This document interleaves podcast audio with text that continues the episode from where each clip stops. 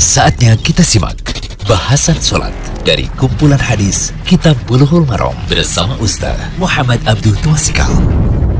Alhamdulillah, salatu wassalamu ala rasulillah wa ala alihi wa sahbihi wasallam. Kali ini kita berada di audio ke-19 dari pembahasan kitab Bulughul Maram, kitab sholat, masih tentang bahasan azan. Kita akan melihat keutamaan azan. Pertama, setan menjauh saat mendengar azan. Dari Abu Hurairah radhiyallahu anhu ia berkata bahwa Nabi Shallallahu alaihi wasallam bersabda, "Idza nudiya bil adani adbara syaitanu lahuduratun hatta la yasma'al adana, fa idza qudiya al adanu aqbala, fa idza suwiba bi adbara, fa idza qudiya taswibu aqbala." يقدر بين المرء ونفسه يقول اذكر كذا اذكر كذا لما لم يكن يذكر حتى يظل الرجل يدري كم Fa lam yadri ahadukum kam shalla falyasjud sajadatain wa huwa jalisun. Apabila azan dikumandangkan, maka setan berpaling sambil kentut hingga dia tidak mendengar azan tersebut. Apabila azan selesai dikumandangkan, maka ia pun kembali. Apabila dikumandangkan ikomah, setan pun berpaling lagi, pergi lagi.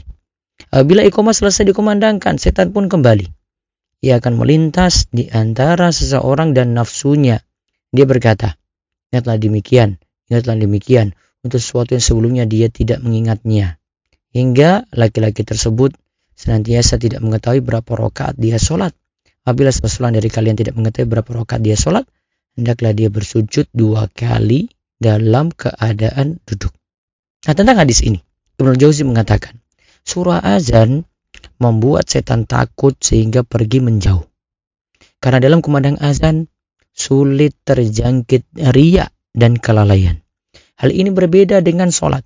Hati mudah diserang oleh setan dan ia selalu memberikan pintu was-was sampai-sampai Abu Awana membuat judul suatu bab dalil bahwa orang mengumandangkan azan dan iqamah tidak dihinggapi was-was setan dan sulit terjangkit ria karena setan menjauh darinya. Nah, pelajaran tadi kita dapat ambil kesimpulan juga setan itu memiliki kentut ketika dia itu mendengar azan dia akan keluarkan suara kentutnya untuk menyaingi suara azan. Kemudian kalau azan itu dikumandangkan maka setan akan pergi menjauh. Kemudian kalau kumandangkan iqamah lagi setan akan pergi menjauh. Namun ketika seorang itu sholat maka setan akan kembali. Setan akan berikan was-was sampai-sampai seorang itu bingung berapa jumlah rokaat yang dia sudah kerjakan. Dua atau tiga, tiga atau empat, empat atau lima. Dia bingung tentang jumlah rokaatnya.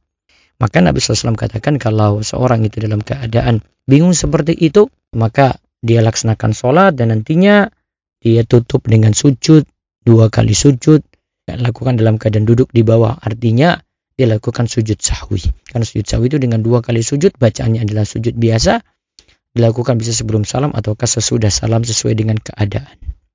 Yang kedua, yang mendengar azan akan menjadi saksi bagi muazin pada hari kiamat dari Abu Sa'id Al-Khudri radhiyallahu anhu ia berkata bahwa ia mendengar Nabi Shallallahu alaihi wasallam bersabda la yasma'u mada sautil muadzin jinnun wala insun wala syai'un illa syaida lahu yaumal qiyamah. Tidaklah suara azan yang keras dari yang mengumandangkan azan didengar oleh jin manusia segala sesuatu yang mendengarnya melainkan itu semua akan menjadi saksi pada hari kiamat. Hadis riwayat Bukhari. Termasuk juga di sini jika yang mendengar adalah hewan dan benda mati sebagaimana ditegaskan dalam riwayat Ibnu Khuzaimah. Dalam riwayat lain disebutkan al-muadzinu yukfaru lahu mada sautihi wa yashhadu lahu kullu rotbin wa yabisin.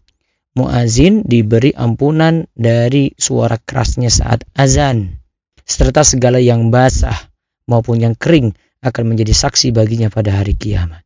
Hadis riwayat Abu Daud, Ibnu Majah dan An-Nasai. Lalu yang ketiga, kalau tahu kok teman azan pasti akan jadi rebutan.